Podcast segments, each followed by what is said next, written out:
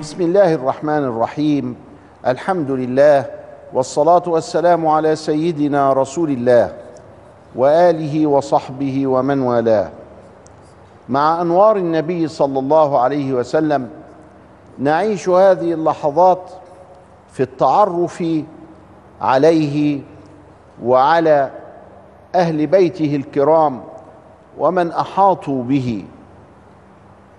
ونحن نريد أن نعرف نبينا صلى الله عليه وسلم. فمعرفة النبي المصطفى والحبيب المجتبى خير ما يحصله المسلم في حياته. وكلما عرفت نبيك شخصا صفة مواقف معلومات أحداث كلما ازددت فيه حبا. صلى الله عليه وسلم. وعرفت حقيقة خلقه الكريم. وهو قد وصفه ربه وإنك لعلى خلق عظيم. وهو يقول إنما بعثت لأتمم مكارم الأخلاق. وكنا نتحدث في حلقة سابقة عن بناته. وبدأنا بزينب الكبرى وهي ابنته. ولما أنجبت فاطمة سمت زينب أيضا على اسم أختها. فإذا ما قارنا بين زينب بنت النبي وزينب المدفونة في مصر فزادتها شرفا.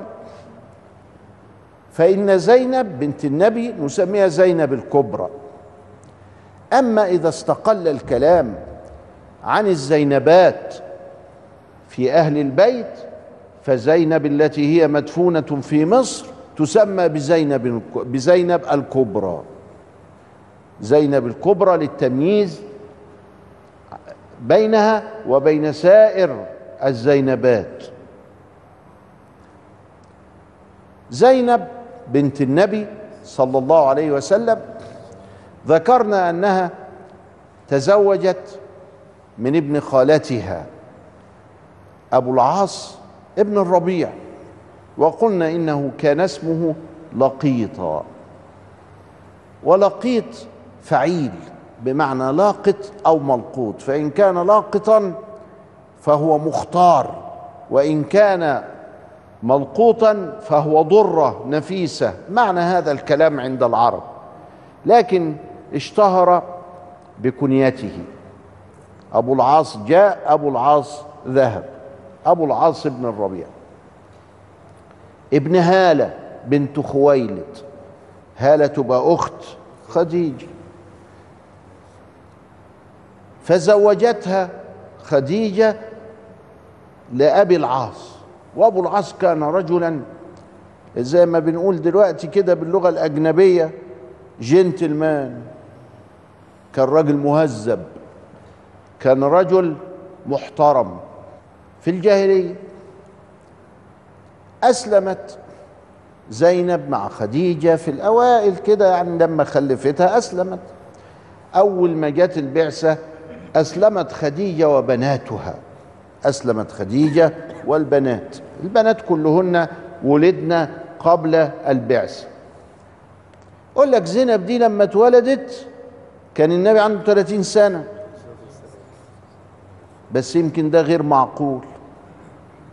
يمكن كان عنده 27 26 عشان تلحق تتجوز أبو العاص. لكن اللي مكتوب في الكتب كده. لكن لما تيجي تحسب ممكن إيه؟ تلاقي فوارق ما ذكرهاش أهل التواريخ. كانت هي عندها بقى عشر سنين. لما البعثة جت وخديجة يعني كانت اتجوزت بنت كام بقى؟ لكن لو كانت مثلا عندها 14 15 سنة ينفع عند العرب. يقول لك ده حتى البنت اتأخرت في الجواز. طبيعتهم كده وكان أجسامهم كمان غير الأجسام بتاع اليومين دول. الهوى الأكل الحركة الاتصال بالطبيعة بيفرق في الصحة وفي القوة وفي الحال. السيده زينب تزوجت ابن خالتها أبو العاص وبعدين قعدت معاه. هي مسلمة وهو مشرك بس كان ساعتها مسموح بالحكاية دي. بعد كده بقى اتحرمت.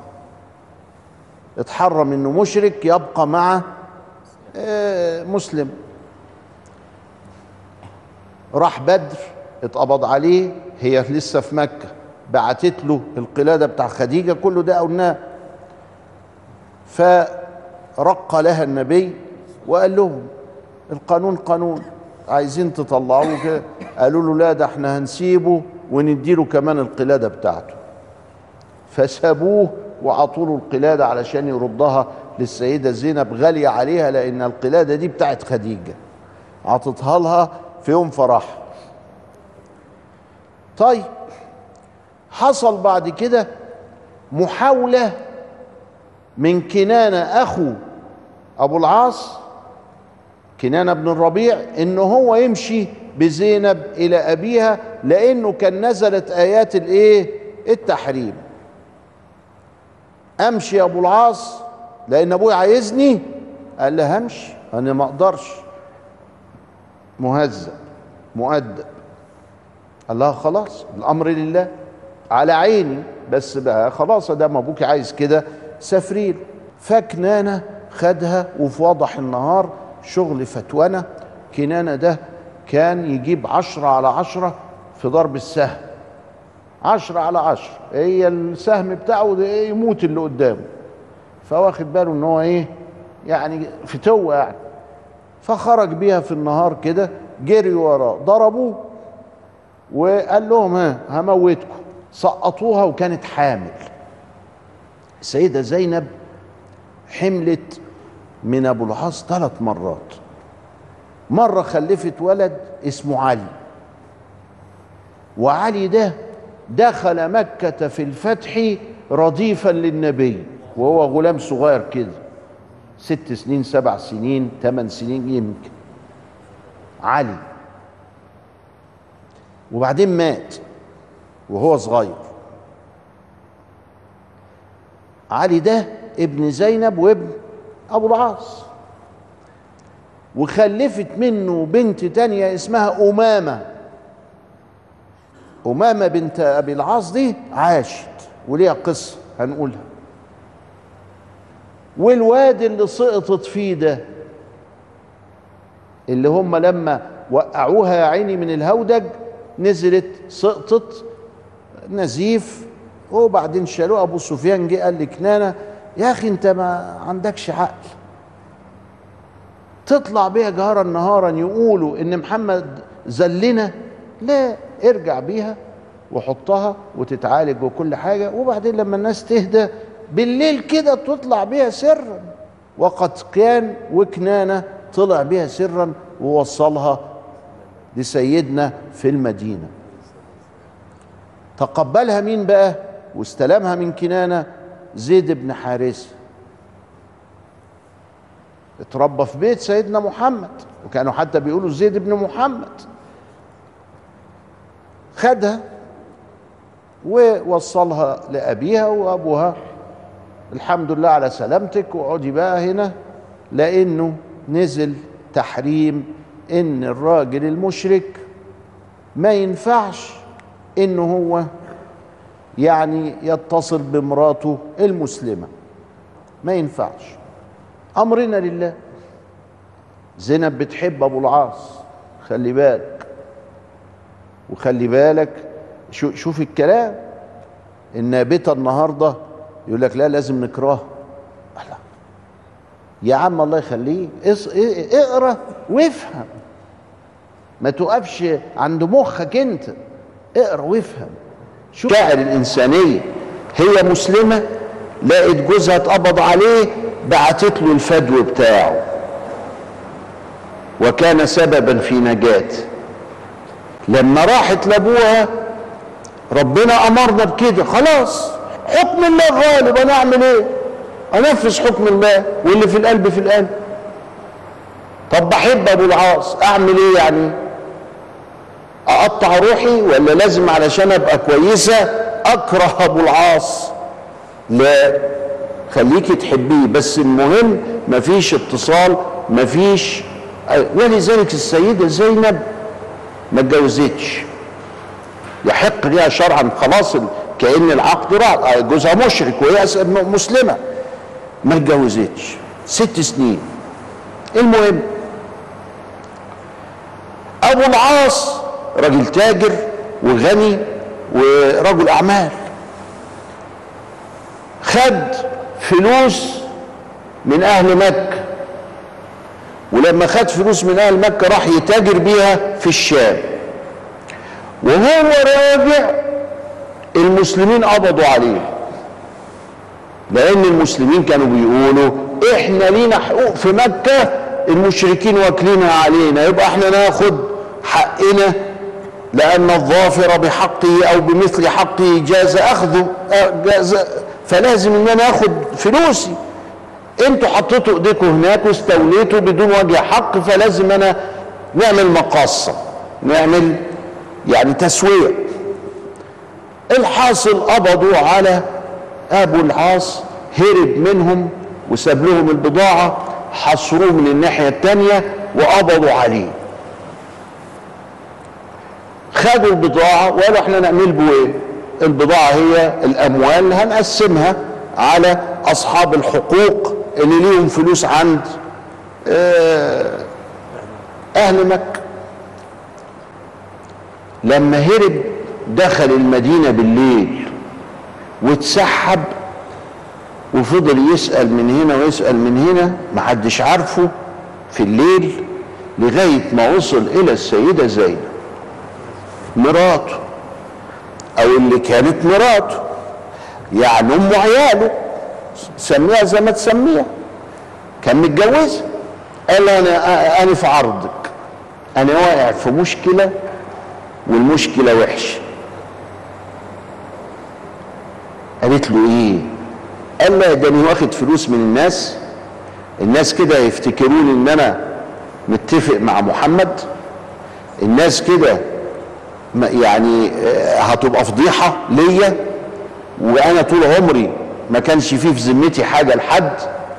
الآن كل الأموال دي في ذمتي وأنا مسؤول إن أنا أوصلها. فأنا في عرضك يا زينب قالت له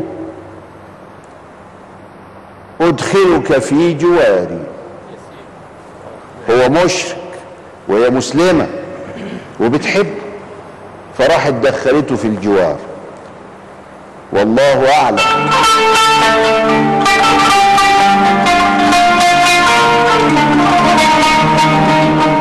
بسم الله الرحمن الرحيم. أدخلت زينب المسلمة بنت سيدنا صلى الله عليه وسلم جوزها أبا العاص في جوارها.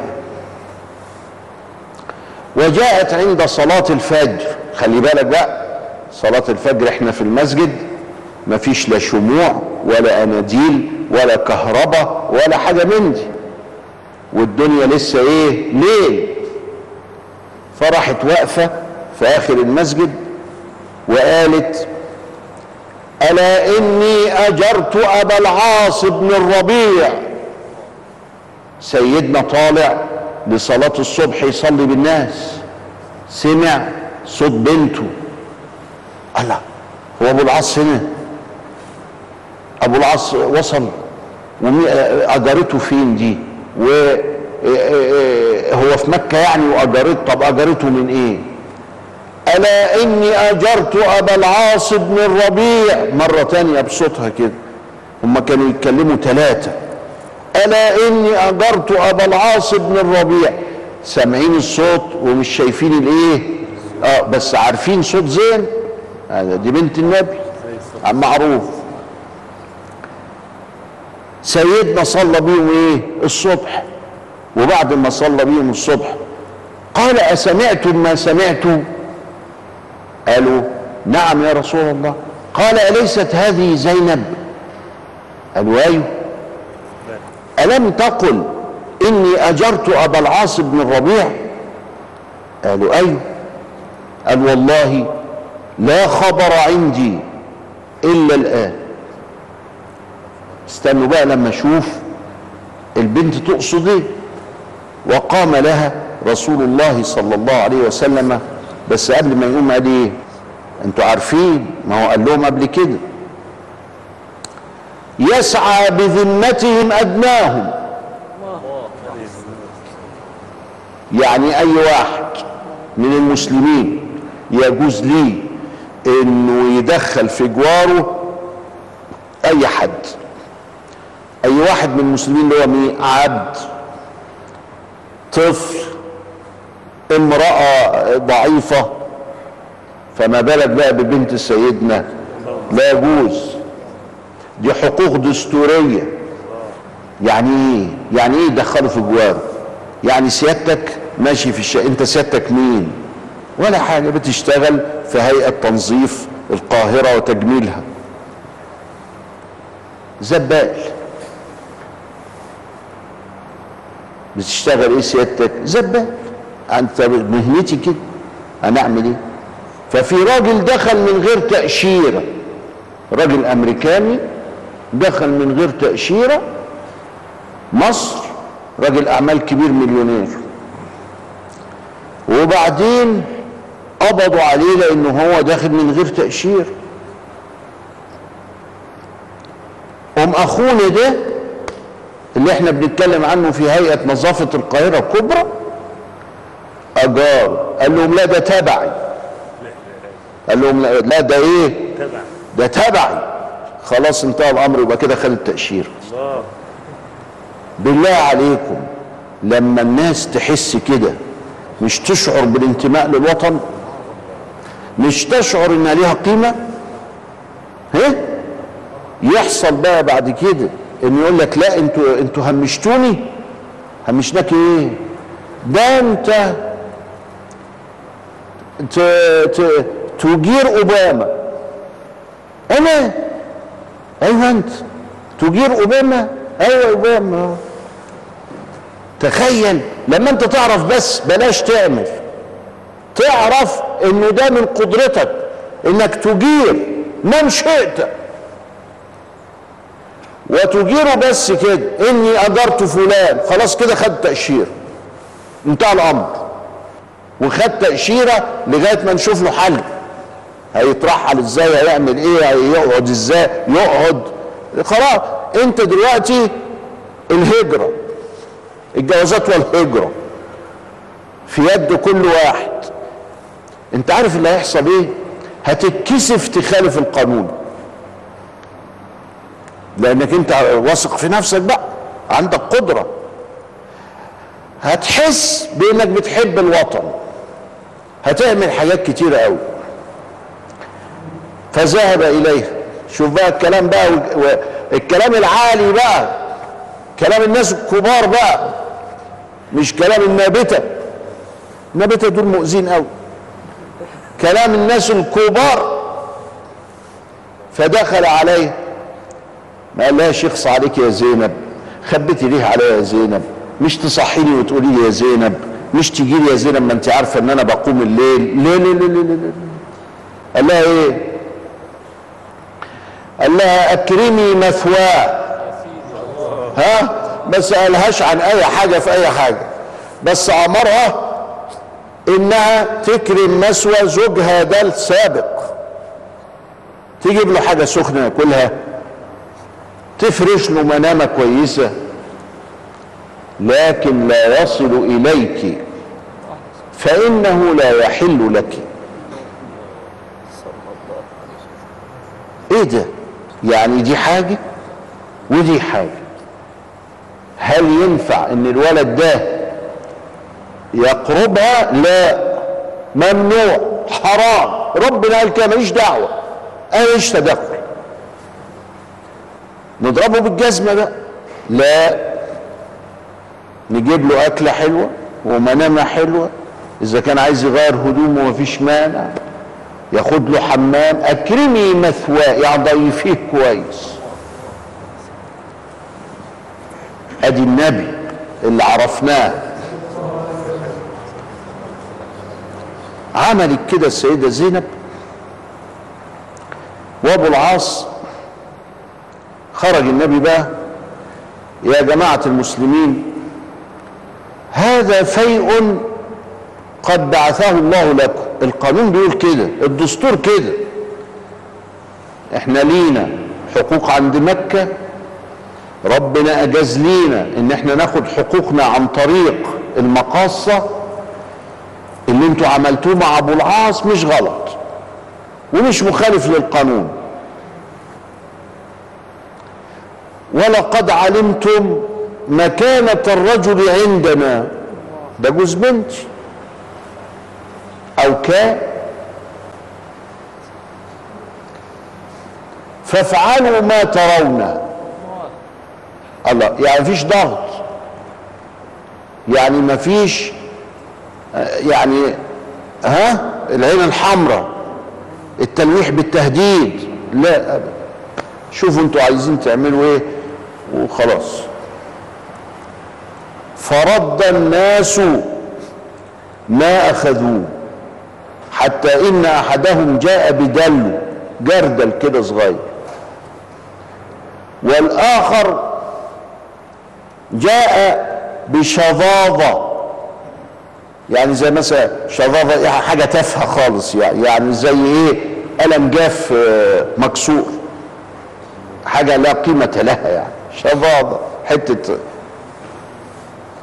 والآخر جاب حبل يعني شوف جاب يعني جمع. حتى كمل له ما أخذوه منه. قال لهم والله أنا متشكر والسلام عليكم. وحمل حمولته وذهب إلى مكة ووزع الأشياء على أصحابها ورد الأموال بأرباحها إلى ذويها. وقال هل لكم عندي شيء؟ قالوا أخ كريم وابن أخ كريم. أنت أمين؟ هل لكم عندي شيء؟ قالوا لا. وفيت وكفيت. طيب. أشهد أن لا إله إلا الله وأشهد أن محمدا رسول الله. ده في مكة.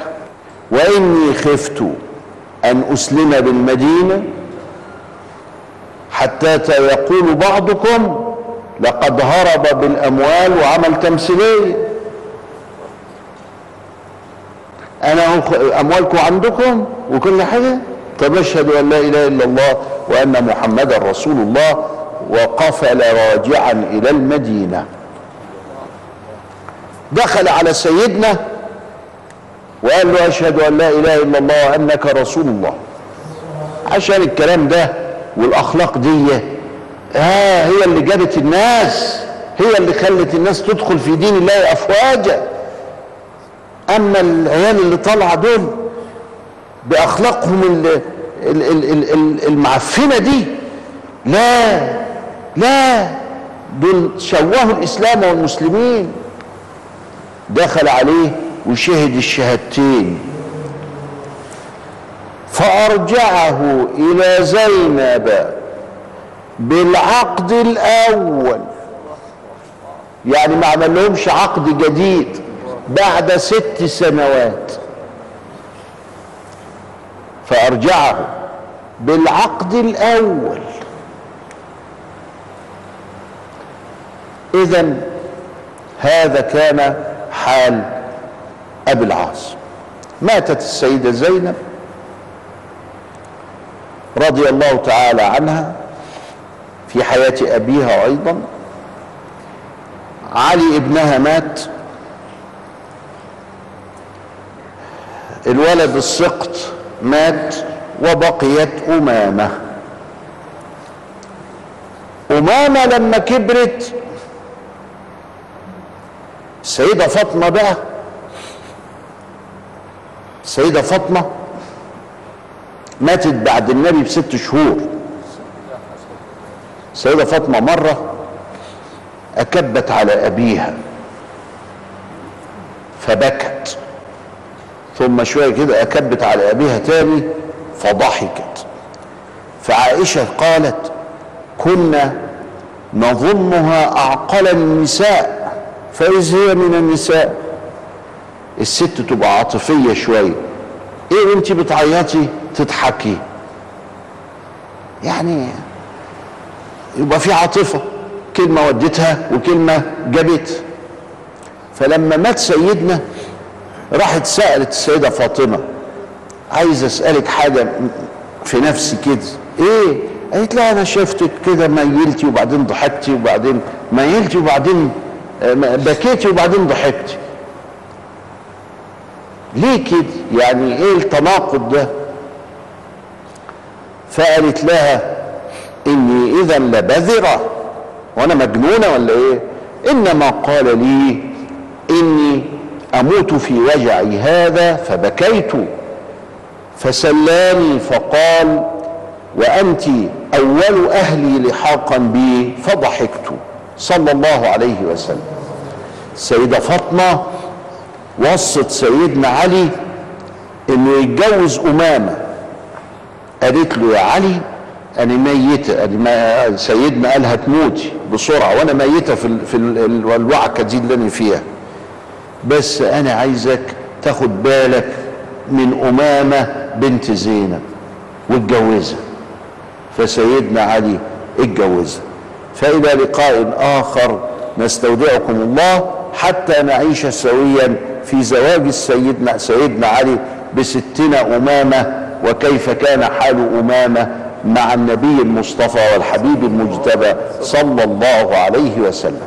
فالسلام عليكم ورحمة الله وبركاته.